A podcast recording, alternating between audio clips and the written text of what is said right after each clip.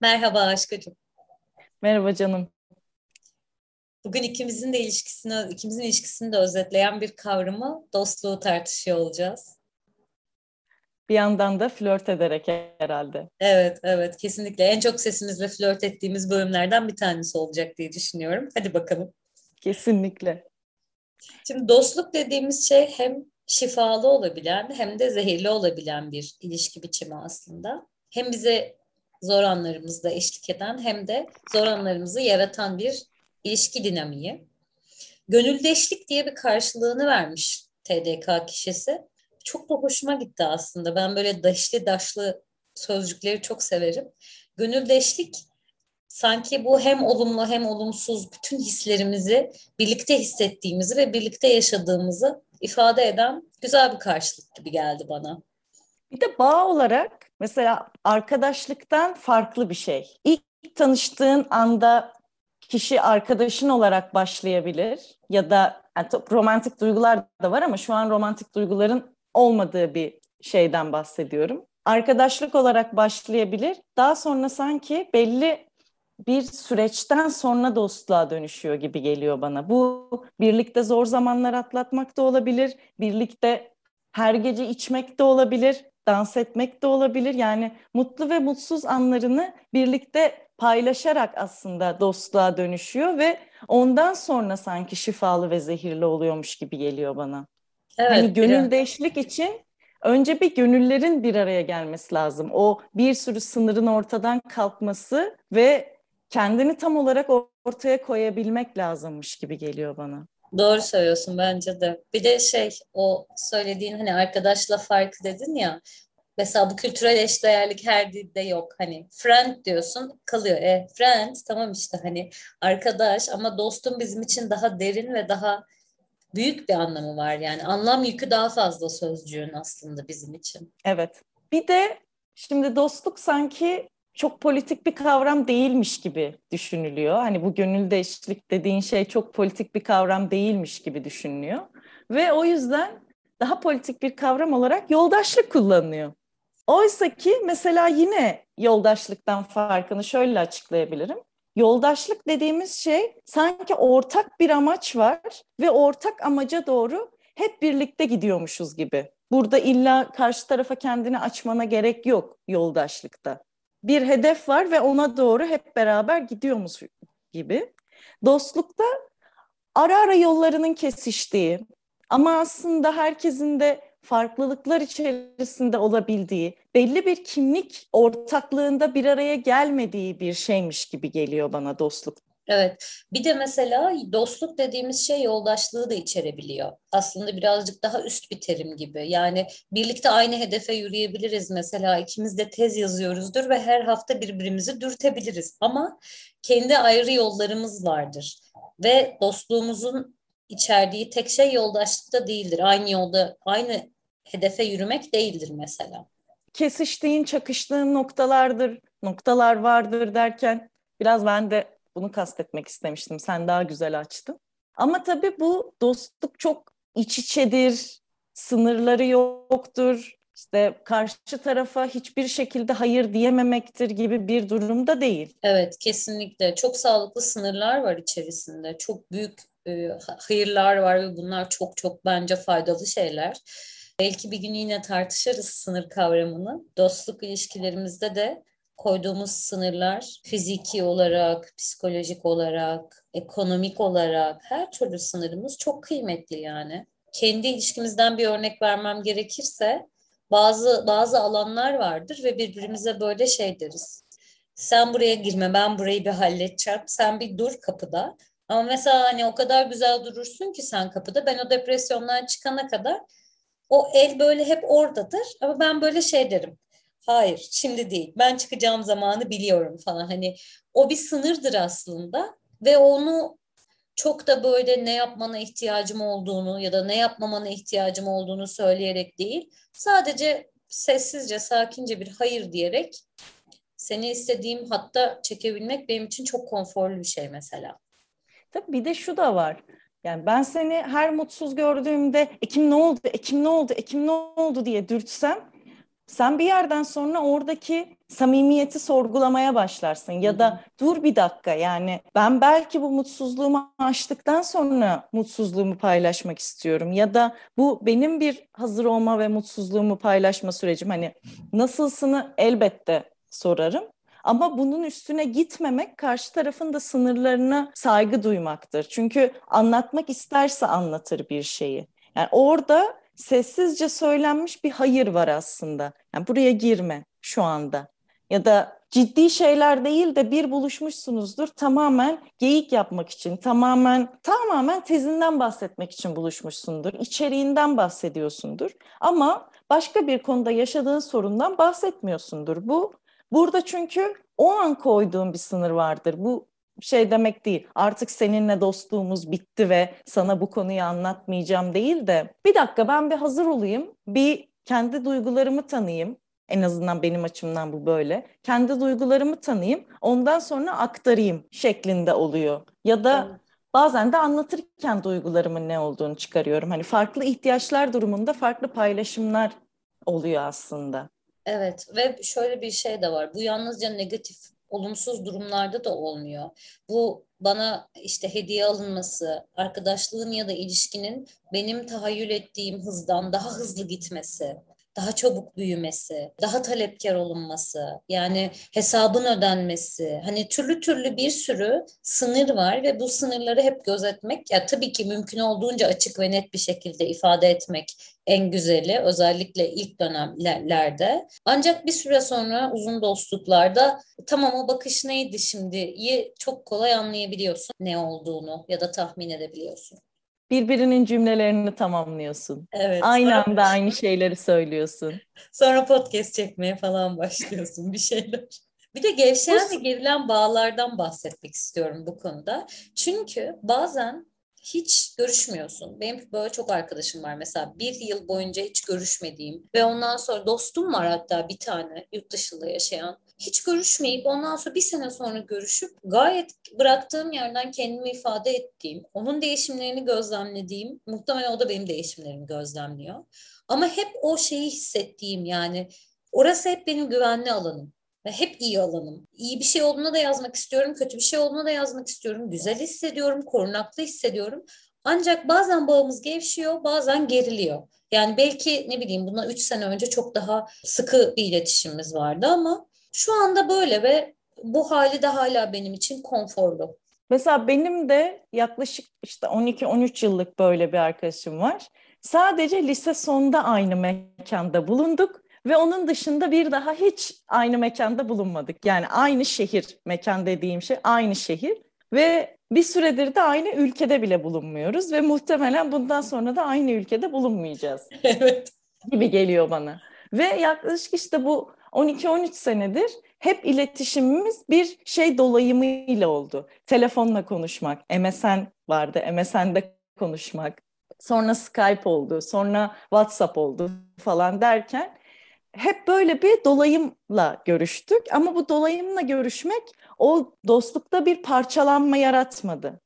Dediğin gibi yani bazen o bağ sıkılaştı, bazen bir hafta içerisinde günde 3 saat konuştuğumuz oldu. Bazen bir ay çok da konuşmadığımız en fazla kendimize birbirimize pardon komik kedi videoları attığımız bir dönem oldu falan. Yani orada karşı tarafa sürekli bir iletişim zorlaması yapmadık. Birbirimize öyle bir iletişim zorlaması yapmadık. Ama dediğin gibi hep orada anlatabileceğim birinin olduğunu bildim.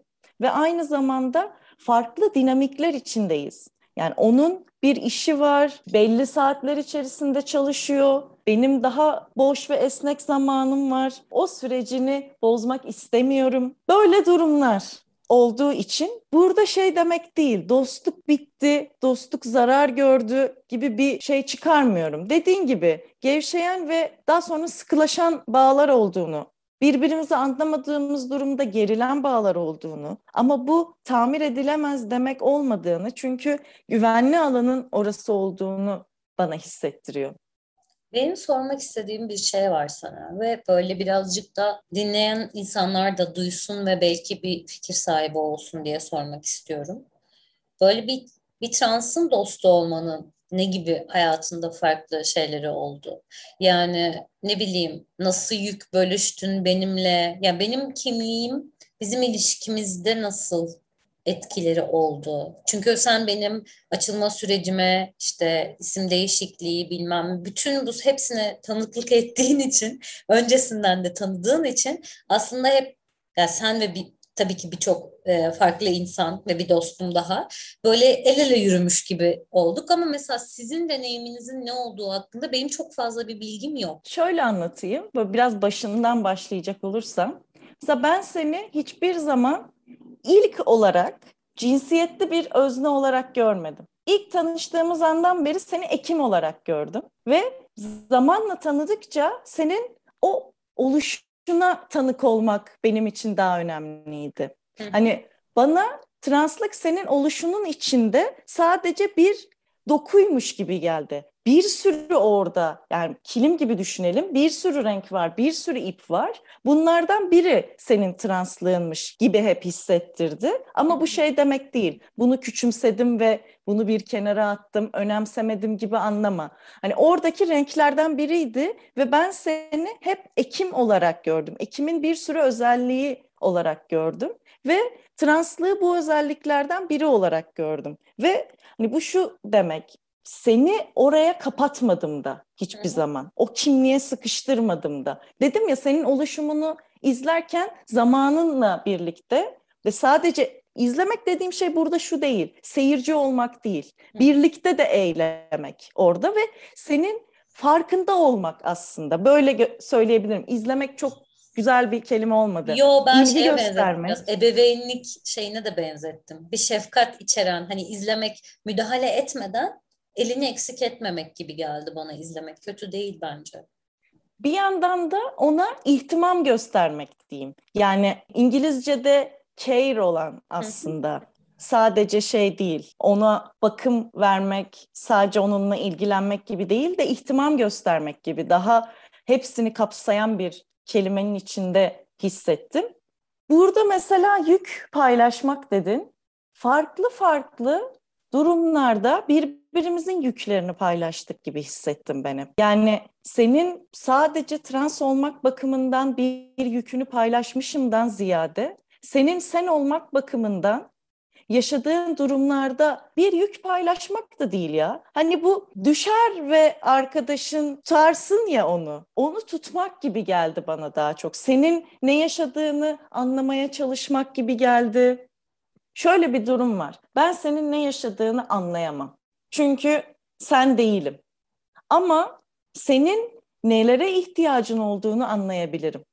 Senin o sırada e, ihtiyaç doğru karşılam karşılıyormuş gibi geliyor. Hani evet. maddi bir şey olmayan, mesela nasıl bir dayanışma istediğini anlamaya çalışarak orada, bazen tökezleyerek, bazen yanlış yaparak ama senin ya Hazal bunu yapmalarınla yapmamayı da öğrenerek yani yine senin oluşuna aslında katılarak diyeyim. Böyle bir şeymiş gibi geldi bana açıkçası. Evet. Ne kadar anlatabildim bilmiyorum ama hani bol bol o isim ve pronoun düzelterek değil mi? yani gönüldeşlik dediğim dediğimiz şey sanırım bu. Hatta bazen belki senin sınırlarını ihlal etmişimdir. Belki birinin sana evet kullandığı pronounu ben düzeltmiş olabilirim mesela. Bu güzel bir şey bence. Ben bunu çok seviyorum. Çünkü bazen çok yorucu oluyor yani hani tekrar tekrar pronounu hatırlatmak işte kişi zamiri bu arada İngilizce'de yabancı dillerde konuşurken kişilerden bahsederken kullandığımız he, she, it, as, he, as gibi bir sürü cinsiyetlendirilmiş kişi zamirleri var. Bunlara alternatif cinsiyet içermeyen cinsiyet nötral zamirler de var. Bundan bahsediyoruz. İnsanların benden bahsederken they demesini istiyorum ama genelde bir şey atıyorlar ve onu kullanıyorlar. Bundan bahsediyoruz. Bilmeyenler için bir şey açtım resmen. Instagram postu. Neyse bu benim için çok konforlu bir şey mesela. Hala bugün bile çok sevdiğim bir şey. Yani birisi bir şey dediği zaman benden önce birinin böyle dur dur öyle demiyoruz ona, ona öyle demiyoruz demesi bence çok güzel. Ama siz yine de arkadaşınıza sorun. Belki onun hoşuna gitmiyordur. Teşekkür ederim canım. Bir de şöyle de oldu. Şimdi o senin oluşuna ihtimam gösterme sırasında bazı şeylerin ben nedenini sorgulamayı hiç aklıma gelmedi Ekim. Mesela sen benim ismim şu dediğin zaman tamam senin ismin bu. Yani ve bu açıp ilk iş telefonumda seni kaydettiğim ismi değiştirdim ve oradaki neden ama, ne oldu, niye değiştirdin ya da şimdi hadi başka ismiyle sesleneyim falan gibi değil de kafamda sürekli tekrar ederek o daha önce özdeşleştirdiğim isim ve kişiyi hızlıca değiştirdim. Evet. Bunu hiçbir şekilde seni zorlayacak bir süreç olmaması için uğraştım. Doğrudan senin koyduğun isim de seni tanım. Yarın başka bir şey tercih etsen başka bir şey olur benim için. Hani bu nedenini sorgulayacağım bir şey hiçbir zaman olmadı. Çünkü seni dedim ya bir kesişim olarak görüyorum. Seni bir sürü şeyin kesişimi olarak görüyorum. Tek bir kimliğinle görmediğim için senin oradaki oluşun benim için bir sürü şey oluşun aslında. Evet. Kimliğimin Ne kadar doğru anlattım bilmiyorum. Yo yo çok çok doğru ve çok da güzel anlattın. İnşallah bunu dinleyen insanlar da uygularlar. Amin.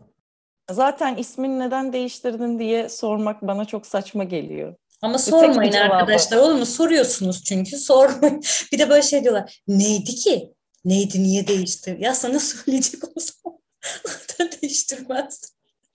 Neyse ilginç. İlginç. Yani ben devlet bile bana bunu söylemesin istiyorum. Evet değil mi? Sen kim?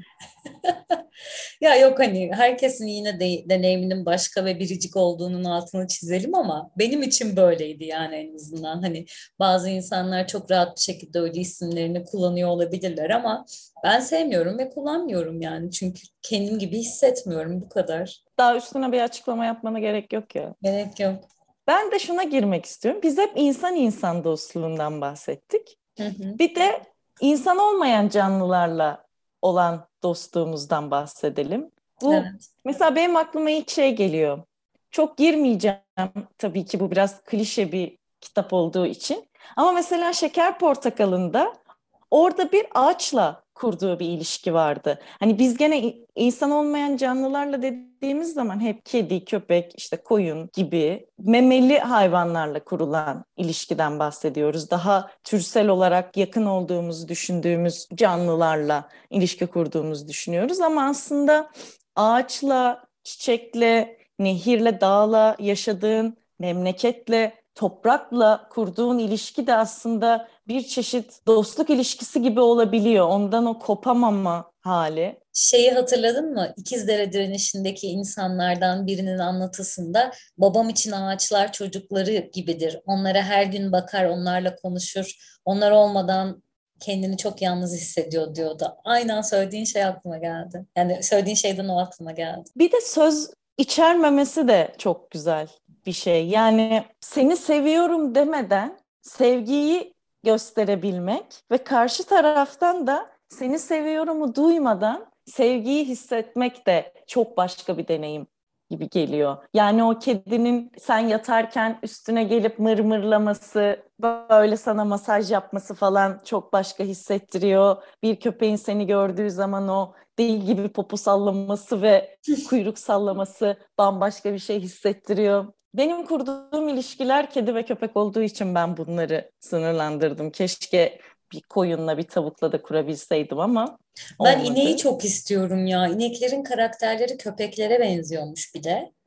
Böyle çok akıllı hayvanlarmış ve böyle bayağı şey videolarını falan çok kıskanıyorum. Yatıp böyle inekleri seviyorlar, uzanıyorlar falan ya. Neyse ben bir çiftliğe falan gideyim o. Peki, dostluk ve sevgililik sınırları ya da partnerlik sınırları diyelim. Çok net, keskin çizgilerle belirlenmiş mi yoksa çok muğlak mı oralar? Ne bileyim, sevgilimiz, seviştiğimiz bir dostumuz mu aslında?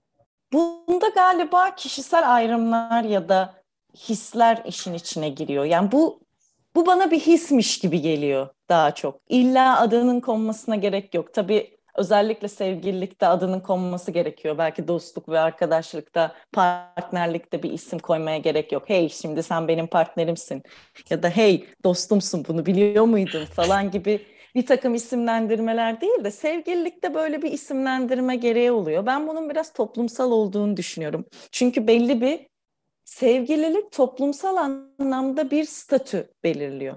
Evlenmek gibi aynı. Hani bir toplumsal statüye işaret ediyor. Sevişmenin legalliğinin level'ları gibi geliyor bana daha doğrusu. Ben böyle hissetmiyorum bu arada. Ben toplumsal olarak böyle algılanıyormuş gibi hissediyorum. Hani partnerlik var, sevgililik var, evlilik var. Legalliği artıyor böyle giderek. Meşruluğu artıyor diyeyim. O yüzden adının konması zorunluymuş gibi geliyor. Ama muğlaklık meselesinde mesela benim hissiyatım o kadar muğlak değil olduğu. Kişi galiba bu konuda kendi deneyimlerinden daha çok bahsedebilirmiş gibi geliyor. Ama bunun da çeşitleri var. Gerçekten seviştiğin bir dostun sevgilin olabilir. Kısıtlamamak da gerekiyor. Ve buradaki işte fark bu seviyeler değil. Yani bir nicelik farkı değil de nitelik farkıymış gibi geliyor bana. Evet. Serdar Ortaç'la Ebru Gündeş gibi. Yanlış başlamış ilişki. İşte bizim ilişkimizde o ilişkilerden bir tanesi zaten. Senin böyle bir insan olman ya ya 12 çocuk yaparım ya dünya ahiret bacımdır görüşün yüzünden. Biz de Serdar Ortaç ve Ebru Gündeş gibi. Gerçekten bu da bir geyik değil bu arada yani gerçekten. Böyle şoplarımız bile var bizim. Neyse bir gün sana doğum günü kutlaması falan yaparsam Poli'den o fotoğraflarımızı paylaşırım. Peki sence bu nasıl bir fark ya da nasıl bir ilişki bi- biçimleri, deneyimi? Yani benim için sınırlar bazen muğlak olabiliyor. Yani kendi o an ilişkim olup olmamasından azade olarak bu konuyu tartışıyorum. Benim için sınırlar birazcık muğlak olabiliyor. Çünkü benim sevgilim olan kişinin dostluk niteliğine sahip olması benim için inanılmaz önemli. Çünkü kendimi çok iyi güvende hissedebilmem, eleştiri alabilmem, ne bileyim akıl danışabilmem gibi bir sürü şeyi olması lazım sevgilimin. Ancak şeyi de es geçmiyorum. Dostlarıma davrandığım kadar politik olarak doğru davranamıyorum sevgilime. Daha duygu, duygularım daha ateşli, daha kıvılcımlı olduğu için bence çok da politik olarak doğru şeyler yapamayabiliyorum. Sıkıntılı davranışlarım olabiliyor, toksik davranışlarım olabiliyor. Dostlukta bir tık daha biraz daha sakinim ve bence daha doğru davranıyorum. Ama ikisi benim için birbirine çok yakın şeyler aslında. Yani çok iyi anlaşabilmadığım, çok güvenmediğim biriyle ben herhalde sevgili olmuyorum Azal ya bilmiyorum. Öyle öyle herhalde. Buna ben de katılıyorum. Evet. Bir şeyler paylaşamadığında aslında dost da olamıyorsun, sevgili de olamıyorsun. Evet. Kolicilik başka bir şey yani kolicilikten bahsetmiyorum o çok başka bir şey ama daha böyle hani ilişki anarşisinde bokladığımız merkez ilişkisi tanımını ele alalım mesela. O merkez ilişkisine koyduğum kişi ya da tek eşli olduğum insan daha dosta yakın bir yerde duruyor. Yani arkadaş da değil, sevgili partner, koli kadar hafif bir yerde de durmuyor. Biraz daha böyle dosta yakın diyebilirim yani. Hayat paylaşma renkleri gibi. Evet. Yani emekli olup e, sahilde dondurma yiyip çekirdek çitleyeceğim bir insan. Peki bir klişe girelim Gir. hemen. Kadınlarla erkekler dost olabilir mi? Olabilir ya niye olmasın? Her cinsiyetten herkesle herkes dost olabilir bence. Bu çok saçma bir klişe ve çok saçma bir tartışma gibi geliyor bana. Ben böyle etrafımdaki çoğu insana sorduğumda işte olmaz çünkü illaki bir aralarında bir cinsel çekim olur falan filan gibi cevaplar alıyorum. Ve bunun üstüne düşündüğüm zaman aslında cinsiyetler arası dostluğun ne kadar da heteroseksist görüldüğü, iki tarafında bir kere heteroseksüel olduğunun düşünüldüğü ve bu heteroseksüel kişilerin illa seksüel oldukları ve birbirlerine karşı özellikle cinsel bir çekim yaşayacakları, işin içinde belki romantizmin olmayacağı bir takım kabuller var. Bir heteroseksist bir bakış var, bir de cinsellik temelli bir bakış var aslında. Burada bir sanki bir eşcinselle bir eşcinsel arkadaş olamazmış. Yani bu düşünülmüyor mesela. Hı-hı. Ya da bir eşcinselle bir eşcinsel arkadaşsa yine aynı mesele. Ya seksüel bir çekimleri olursa. Hani şey vardır ya mesela özellikle heteroseksüel seksüel ilişkilerde siz erkek tarafında bunu ben çok deneyimledim ve gördüm. Sevgilisinin erkek olduğunu düşündüğü arkadaşları, siz hetero erkek, bu çok önemli bir ayrım, olduğunu düşündüğü arkadaşlarından kıskanma ama mesela trans erkek bir arkadaşından kıskanmama ya da kadın arkadaşından, trans ya da siz hiç önemli değil, kadın arkadaşından kıskanmama, lezbiyen arkadaşından kıskanmama. Oradan sen böyle göz kırpıyorsun değil mi? Hani kadınlardan kıskanmayınca. Doğru. Sen konuşurken ben beş tane falan ayrımcılık biçimi saydım. Yani işte aseksüel fobi, işte homofobi, transfobi, her, her bir fobiyi gizleyen bir bakış aslında. Ve güven güven sorunu zaten. Bence direkt toksik erkeklik, toksik erilik, toksik maskülenite dediğimiz şeyin ta kendisi yani. Ve şu da var. Sen daha önce bahsetmiştin sanırım. Fallus merkezli düşünme diye. Orada bir seksüel ilişkinin penis merkezli olacağının düşünülmesi. Yani aslında burada trans erkekler ya da trans kadınlar penisli olamazmış gibi bir şeyden bahsetmiyorum. Siz hetero erkeğin penisinden bir kıskançlık var. Evet. Bu çok önemli bir bakış açısı bence. Evet. İnşallah kendi şeylerini güncellerler. Hiç haberleri yok bence ne olduğunu ama bence bilmemeleri de iyi. Anlamıyorlar. O onlar öyle sadece e, şeyleri siset erkekleri kıskansınlar. İyi iyi. Gerisiyle çok daha eğlenceli şeyler yapılabiliyor çünkü.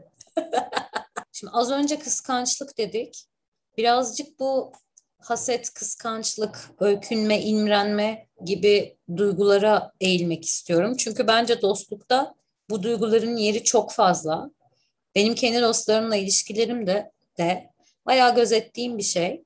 Ve ContraPoints Haset diye bir video yayınladığı bir buçuk ay falan oluyor. Orada bu haset ve kıskançlık duyguları arasındaki farktan bahsediyordu. Benim de hep böyle dikkatimi çeken ve orada burada alakasız alakasız yerlere sokup konuştuğum bir meseleydi bu. Çok güzel açıklamış bence. Biraz ondan bahsetmek istiyorum. Çünkü önce haset ve kıskançlık arasındaki farkı ayırt etmemiz sonra da dostlar arasında bu duyguların nasıl oluştuğuna yakından bakmak iyi gelebilir gibi. Çünkü biraz güzel güzel şeyler söyledik dostlar hakkında ama aslında toksik de olabilen bir yer dostluk. Şimdi haset dediğimiz şeyde sende olmayan bir şey var. Bir cep telefonu var. Ve Hazal'da o var. Bende yok. Ben ona haset ediyorum. Çünkü onda bir cep telefonu var ve ben ona sahip olmak istiyorum.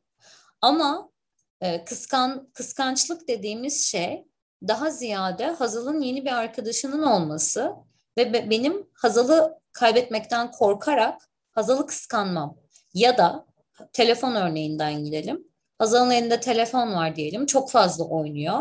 Ve of ya yeni telefon aldı artık benimle ilgilenmeyecek. Yani nesneyi de kıskanabilirsin aslında bence. İlla da kişi olmasına gerek yok kıskandığımız şeyin o telefonun seni benden bir şekilde uzaklaştıracağını düşünüp böyle bir şey yaşayabilirim. Yani birinde bir yoksunluk var, hasette bir yoksunluk var ve bunun getirdiği olumsuz duygular var. Kıskançlıkta da bizim ilişkimizin zarar göreceğine ya da biteceğine olan inancım ve bundan dolayı hissettiğim şey var. Farklı farklı şekillerde kendini ortaya koyabilir ama basitçe bu. Hasiyette bir yoksunluk, kıskançlıkta bir kaybetme korkusu var diye açıklamalıyım herhalde. Ben şöyle görüyorum. Hasette telefon örneğinden gidelim yine. Onun telefonu bende olsun ama onda kötü model telefon olsun var. İkimizde de iyi model telefon olsun değil. Kıskançlıkta ise ikimizde de iyi model telefon olsun. Keşke bende de olsa gibi bir istek var. Sadece şey değil, nesneyi kaybetmekten kıskan, kaybetmeyi istememek de, demeyeyim de aynı zamanda onda olan bir şeyi istemeyi de buna koyabiliriz ve isteme biçimleri arasında belki fark koyabiliriz burada. Dediğin şey çok doğru çünkü insanların geneli de haset duygusunu kıskançlık duygusundan daha kötücül buluyorlar, daha olumsuz buluyorlar. İşte bu kem gözdür. Bir de galiba İslam'da da böyle bir şey vardı. Haset etmek bir günahtı galiba değil mi? Hatta Hristiyanlıkta da olması lazım. Yani haset aslında çok çok olumsuz algıladığımız bir duygu. Onu işte haset ettiğimiz için karşımızdakine zarar verme hissiyle birlikte gelen bir duygu. Kıskançlık daha ziyade üçüncü olan yani aramızdaki hali hazırda var olan ilişkiyi bozan şeye dair bir tepki içerebilirken haset doğrudan sana yönelen, senin başarısızlığını, mutsuzluğunu vesaire isteyen bir duygu. O yüzden daha olumsuz görül, duyuluyor. Kulağa öyle geliyor. Ve bir noktada evet. hasette bu karşındakinin hani mutsuzluğunu istemek ya da başarısını hakir görmek gibi bir yere çıkıyor. Çünkü sevinmiyorsun yani hani onun iyi bir şey yaşıyor olması seni mutlu etmiyor. Bir de kıskançlık belli bir ölçüde daha doğal bir hismiş gibi geliyor. Özellikle sevgililikte, belki dostluk ve arkadaşlıktaki tartışılabilir ne kadar doğal ve sıradan göründüğünü. Ama özellikle sevgililikte tatlı kıskançlıklar dediğimiz şeyler vardı. Bunu ama belki başka bir bölümde konuşuruz sevgililik meselesini. Evet, Dostluk evet. meselesinde bana o toksikliğin olmaması şöyle hissettiriyor. Sadece dostunla kederlenmek değil, aynı zamanda dostunla birlikte sevinç duymakmış gibi hissettiriyor. Onun sevincine katılmak. Çünkü dostluk sürekli kederinde destek olmak. Onunla işte içip içip ah be şöyle olmuştu, bu da beni bıraktı gitti falan gibi bir dramı paylaşmakmış gibi anlaşılıyor bence. Oysa ki onun sevincine katılmak, yani ne güzel birini seviyor şu anda, ne güzel şöyle bir başarısı var deyip onunla birlikte sevinç duyma da özellikle dostlukmuş gibi geliyor. Bu yüzden mesela bazı güzel ve parlak anlarımda herkes yanımda olsun istemem ya da herkese başarılarımdan haber vermek istemem vesaire. Ben biraz fazla bunu hızlıca hissettiğimi ve hissettiğim kişiyi de biraz ötelediğimi düşünüyorum kendi hayat, hayatımda. Yani biraz kendimi dinliyorum. Ben bu insanla niye görüşmek istemiyorum? Niye güzel bir haber vermek istemiyorum? Ya da tam aksi güzel bir şey olduğunda kiminle paylaşıyorum gibi bir turnusolu oluyor hayatımda. Ve oradan diyorum ki ha ben buna söyledim bak demek ki burası güzel ya da o anda fark etmiyorum. En başına demiştin bölümün. O anda fark etmiyorum. Ama mesela güzel bir şey söylüyorum. Şu okuldan kabul aldım diyorum. O kadar donuk bir tepki veriyor ki yani istemiyorum söylemek, paylaşmak istemiyorum falan. Daha fazla gelecekteki güzel şeyleri. O yüzden bu his çok ayırt edici bir his bence. Ama imrenme Mesela... ve öykünme daha tabii olumlu hisler. Yani bu geliştirmeye yönelik güzel bir his imrenme ve öykünme. Ama haset ve kıskançlık daha olumsuz. İmrenmeyi ve öykünmeyi açalım mı yoksa ne dersin? Açalım. Bana imrenmek şöyle geliyor. Yine keşkeli bir cümle olacak ama bu sefer içinde haset ve kıskançlık olmayan bir duygu olarak ya keşke bende de olsa deyip onun güzel duygularını paylaşırken kendinin de bu güzel duyguları yaşamasını istemek. Orada nesne kaybı ya da zarar göreceği, biteceği endişesi duyan bir kişi yok. Yani eyvahlar olsun sevgilisiyle daha çok şey paylaşacak ve beni artık dışlayacak gibi eşlik eden bir duygu yokmuş gibi geliyor.